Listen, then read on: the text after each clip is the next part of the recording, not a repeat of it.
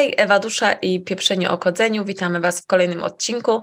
E, jest to tak, jak obiecaliśmy, kontynuacja o Ruby i kontynuacja naszego cyklu Co Nowego. Dzisiaj porozmawiamy o tym, co nowego e, w Ruby i zaczniemy od tego, co spędza sens powiek e, i myślę i biznesowi, i deweloperom ich każdej aplikacji, czyli od performance'u. Jak nam może pomóc w lepszym performance Ruby i czy ma coś nowego w zanadrzu? No tutaj w tym podcaście się skupimy na, os, na tak naprawdę wydarzeniach, które w Rubim i Railsach miały miejsce w ciągu ostatniego półtorej roku e, i spora część tych zmian e, odnosi się do performance'u. E, i jest to, może zaczynając od, od wersji Rubiego, generalnie Ruby ma taki schemat, że co roku w dzień świętego, e, Dzień Bożego Narodzenia, czyli 25 grudnia wypuszcza nową wersję Rubiego e, i była to w 2022 wersja 3.2, rok wcześniej 3.1 i tych, na tych dwóch wersjach Rubiego się tutaj skupimy. E, w wersji 3.1 został wprowadzony nowy rodzaj kompilatora zwany YGIT. Jest to ulepszenie kompilatora Rubiego JIT, który był do tej pory obecny. I tutaj takim krótkim słowem może wstępu, o co tutaj właściwie chodzi? E, no generalnie chodzi o to, że mamy dwa standardowe podejścia do e, tłumaczenia kodu pisanego przez dewelopera na kod maszynowy.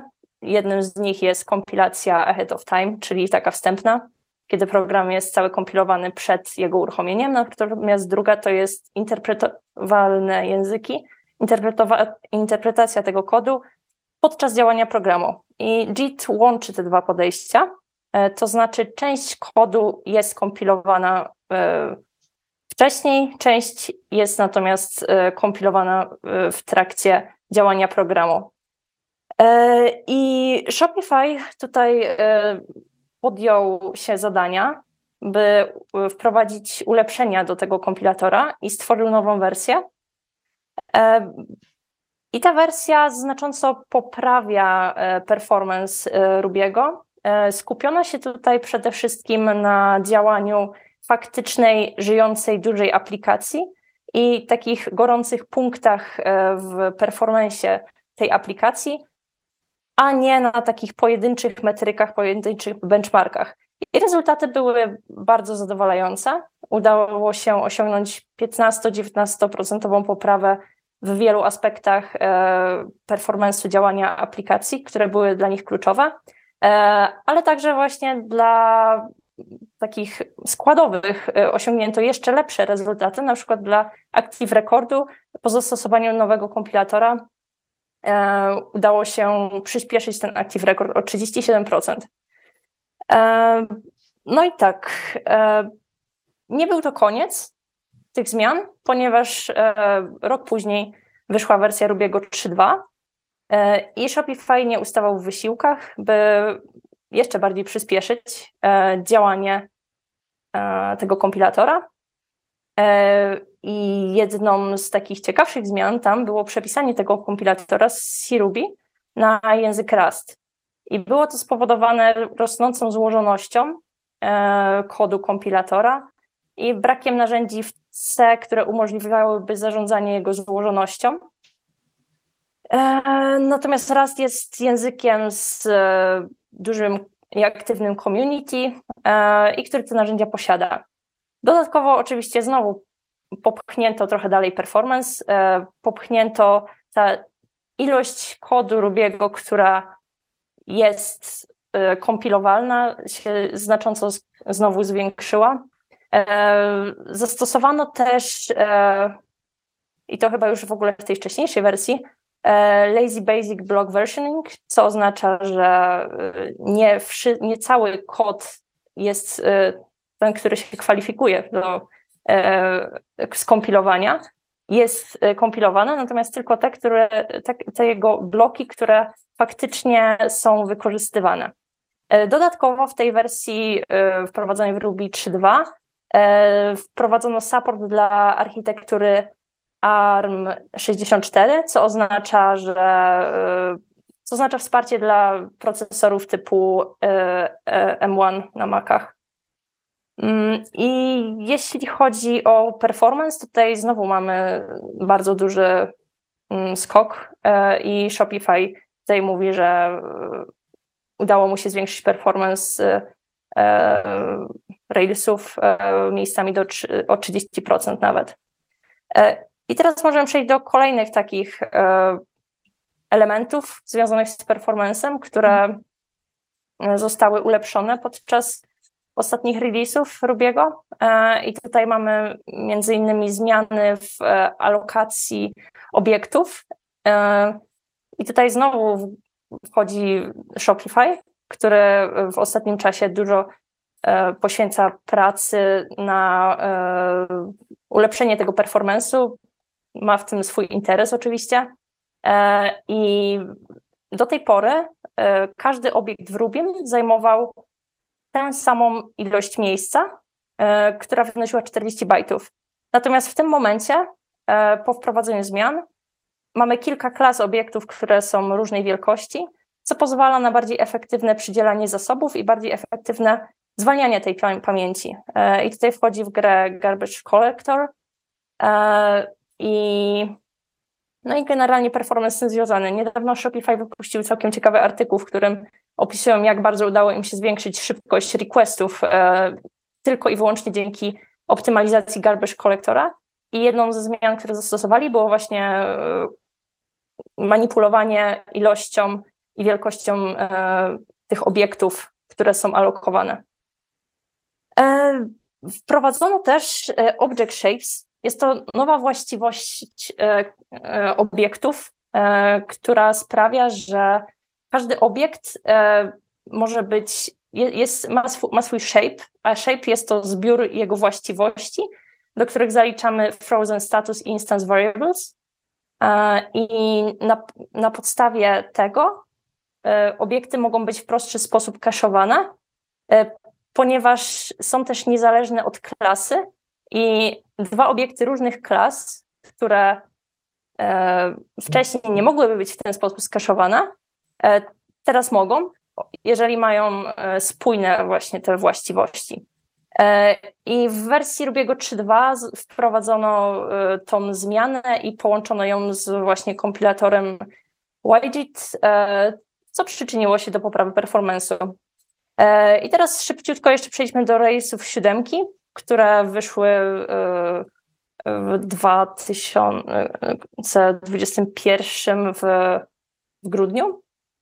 E, I tam mamy e, między innymi takie przydatne metody, które możemy stosować w kontrolerach i jest to load async, który pozwala na równoległe wykonywanie kilku mm, SQL-owych zapytań równolegle E, czyli jeżeli wcześniej mielibyśmy trzy takie zapytania, każde by trwało 100 milisekund, to teraz e, możemy je wykonać zamiast e, w czasie łącznie 100 milisekund zamiast 300, jak byłoby to wcześniej.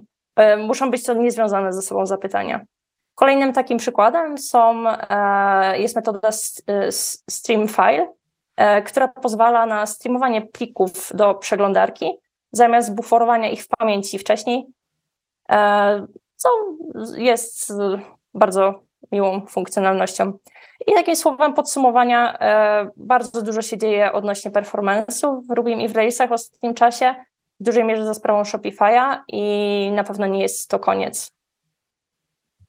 Mhm. Ruby chyba przez ostatnie lata to był jego największy problem, performance. Mm, zawsze spotykałem się z artykułami, gdzie ludzie porównywali E, że taka sama aplikacja napisana w Rubim potrzebuje 20 serwerów i żeby to skalować, to trzeba iść na 40 serwerów, a w Node wystarczą dwa i to wszystko fajnie śmiga.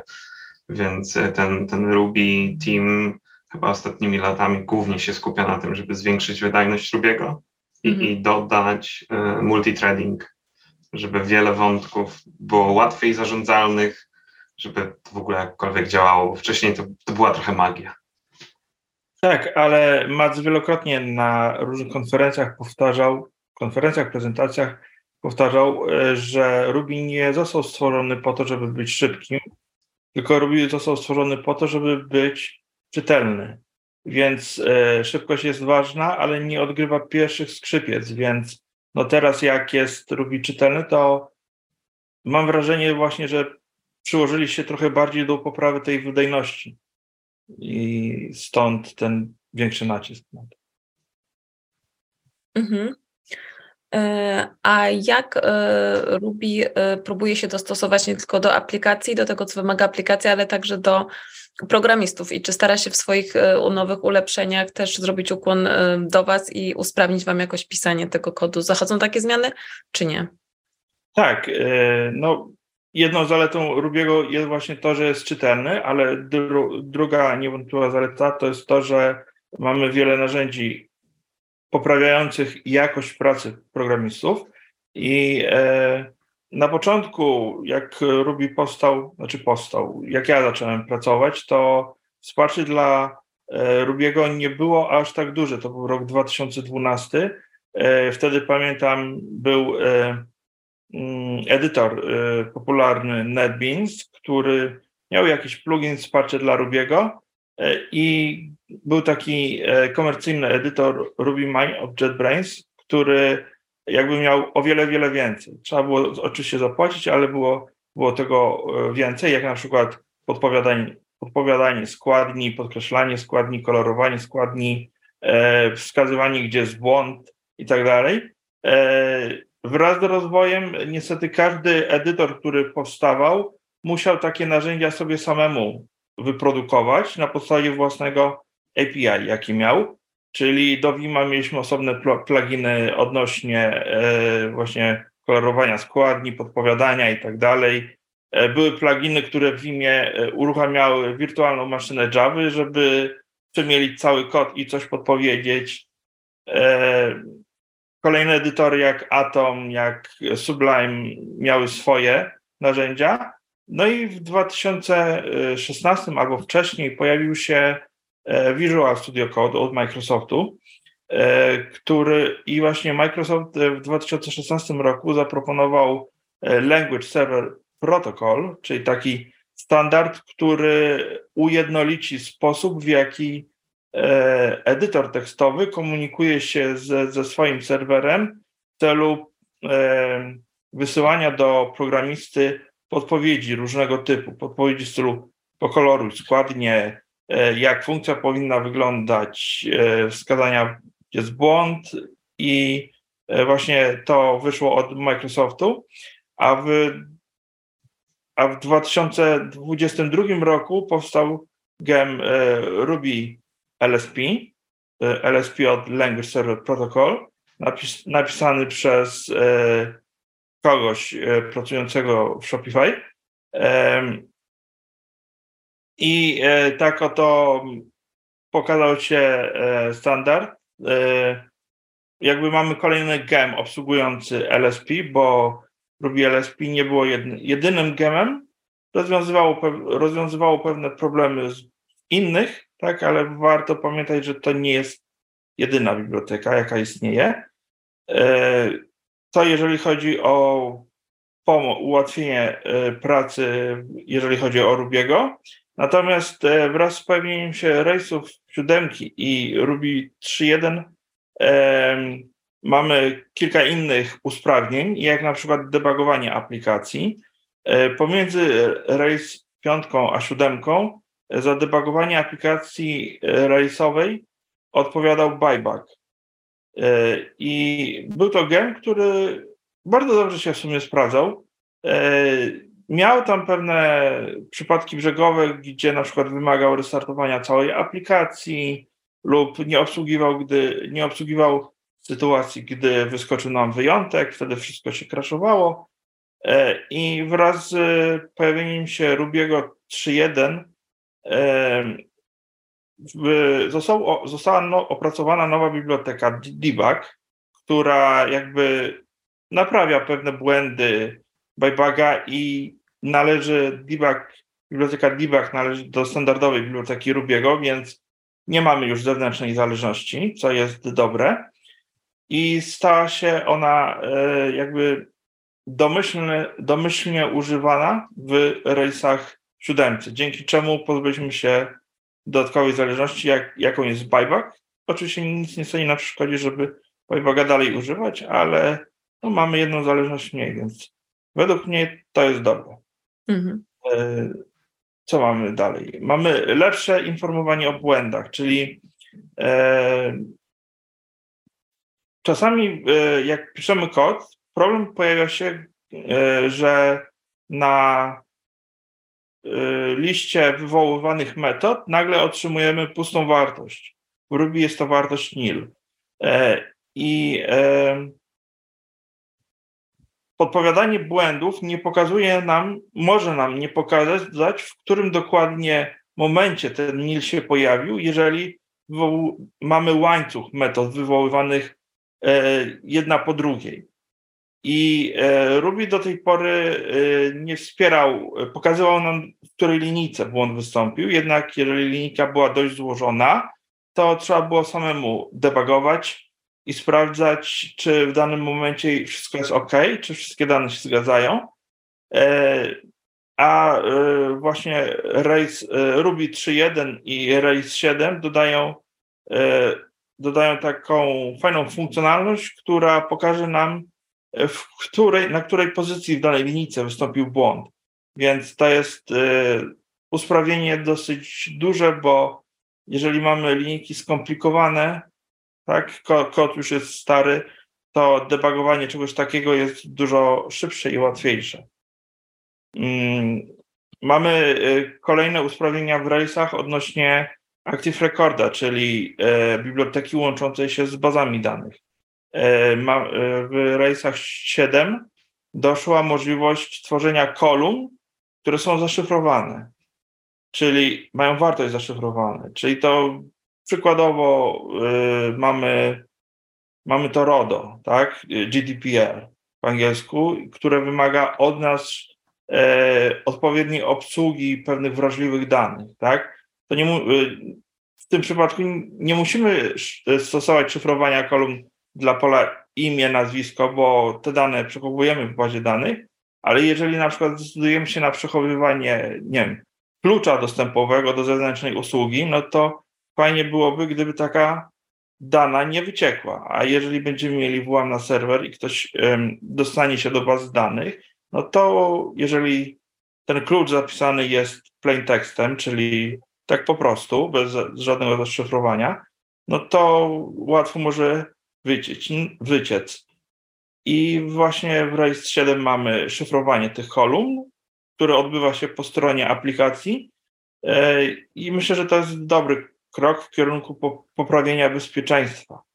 E, w RAID 7 doszło też coś takiego jak dodawanie komend do SQL-a i w sumie trochę się zastanawiałem, kiedy to może być przydatne, bo e, dodawanie komend do SQL-a nie odbywa się automatycznie, domyślnie, tylko my musimy wprowadzić dodatkową, wywołanie dodatkowej metody. I, ale potem zdałem sobie sprawę, że jeżeli mamy sytuację, że monitorujemy aplikację i coś nam się wysypało, bo nie wiem, przestało działać albo wolniej zaczęło działać, to właśnie takie komentarze do zapytań do bazy danych mogą nam szybciej pomóc, y, pomóc w szybszym zlokalizowaniu, gdzie dany błąd wystąpił.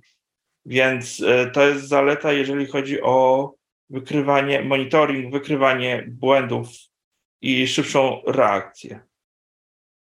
Te, te e, komentarze wczoraj by się nam przydały, jak ktoś puścił dużą, dużą, duży skrypt, który e, dla całej tabeli wpisał jedną dane, jakby jedno ID dla wszystkich rekordów w kolumnie cała aplikacja zaczęła po chwili rzucać 500 i samo dojście do tego, że to akurat ten skrypt to zrobił, zajęło spore 2-3 godziny takiej, takiego przekopywania się, co w ogóle się stało w logach. Tak, tak. No, no na pewno. Na pewno nie jeden z nas miał podobną sytuację, gdzie właśnie na, na podstawie e, wywołania niefortunnego zapytania do bazy danych na, nastąpił e, crash aplikacji. Więc to będzie na pewno pomocne, tylko też programiści muszą nauczyć się, jak tego używać, więc trochę zajmie adopcja tego rozwiązania. No i e, kolejną nowością w rejsach 7, a dokładnie 7.1 jest e, domyślny Dockerfile. E, mamy zwolenników Dockera, mamy przeciwników Dockera. Docker ma swoje wady i zalety, jednak yy, użycie tego jako domyślne podejście w Railsach może się przyczynić do jeszcze większej adopcji Dockera, yy, może pomóc w wielu sytuacjach. Docker jest super, jeżeli musimy skonfigurować CI/CD i przetestować coś w to za pomocą GitHub Action czy Jekylla, nie, Jekyll to platforma blogowa, e, Jenkinsa, czy jakiej, jakiegoś innego narzędzia, wtedy po prostu wysyłamy obraz aplikacji i wszystko odbywa się za nas, e, więc no, to jest krok w dobrą stronę, tak myślę.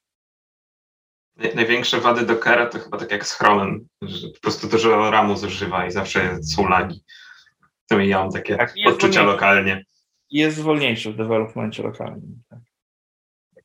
A mhm. tutaj można by jeszcze dodać tylko jedną rzecz, że też Rails 7 zdaje się, dodały e, taki e, gemik doct, e, który umożliwia bardzo szybkie, bardzo łatwe postawienie sobie Railsowej aplikacji lokalnie, co oszczędza instalacji lokalnie wszystkich wersji i i w niektórych przypadkach może, może być fajne, zwłaszcza na przykład dla ludzi, którzy chcą się zacząć uczyć Railsów i sobie z tym po prostu poeksperymentować.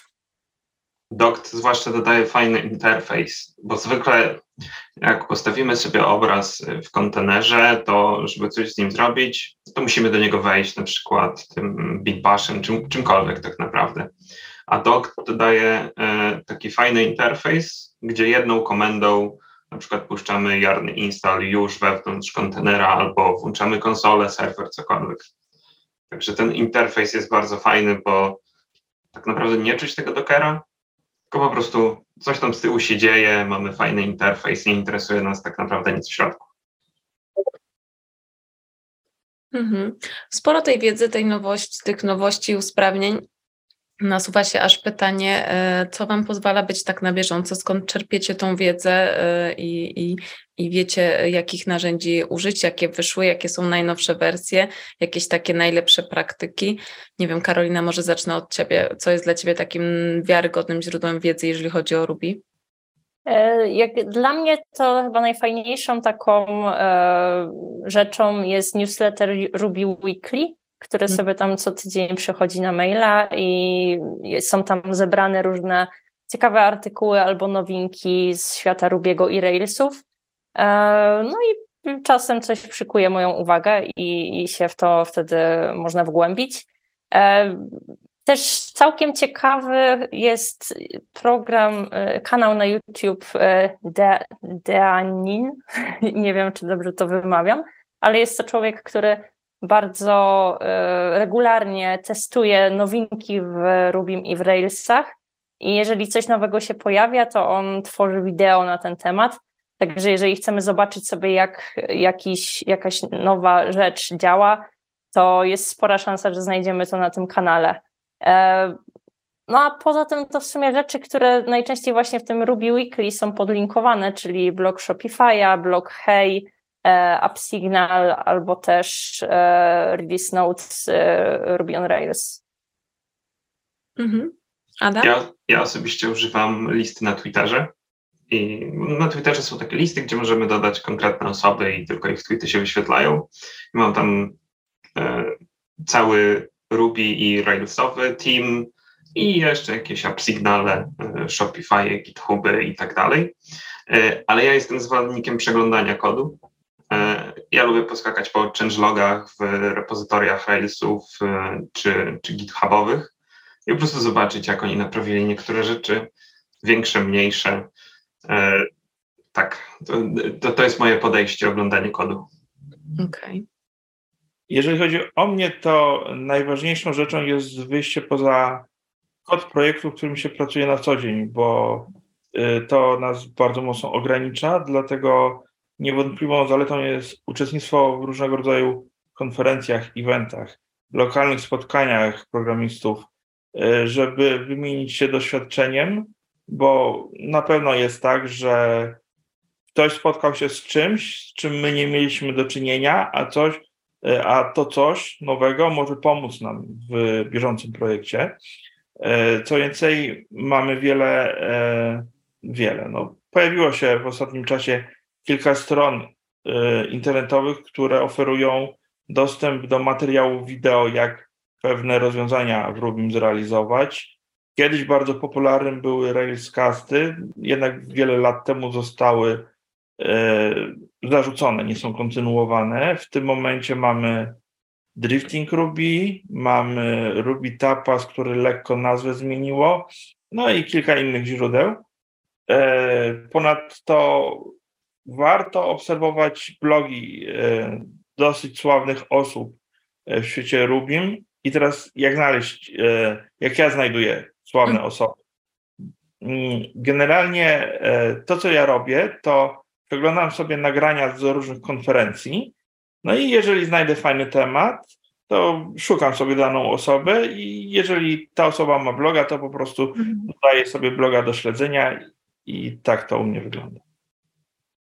Okej, okay, dobra, dziękuję Wam bardzo y, za te wskazówki. Jeszcze, jeszcze ja, ja mam jeszcze jedno słowo a propos meetupów. E, poświęcę sobie chwilę na taką reklamę. E, tutaj mam, e, prawda, szalik e, białostockiego klubu Rubiego, tak zwanego Bruga, więc zapraszam wszystkich e, w co drugi wtorek miesiąca. Organizujemy spotkania. Jak widzicie, e, dostajemy nagrody za bycie prelegentem. Jeszcze dostałem kawkę, którą tutaj mam i, i właśnie ją sobie piję, także zapraszam wszystkich gorąco. Super, to każdy, kto nas tylko słuchał, to e, wierzę, że teraz włączy wideo, żeby oglądać właśnie szalik. Szalik wisi, potwierdzam, pozdrawiamy Białystok. E, I wielkie dzięki Wam za to podsumowanie, co nowego w Rubi. Myślę, że e, mimo tego, że bardzo technicznie nam wyszło, to, to nie nudno i, i będzie to przydatne dla, dla innych Rubi programistów. Dziękuję za ten drugi odcinek. Do usłyszenia, do zobaczenia dla Waszych słuchaczy. Hej!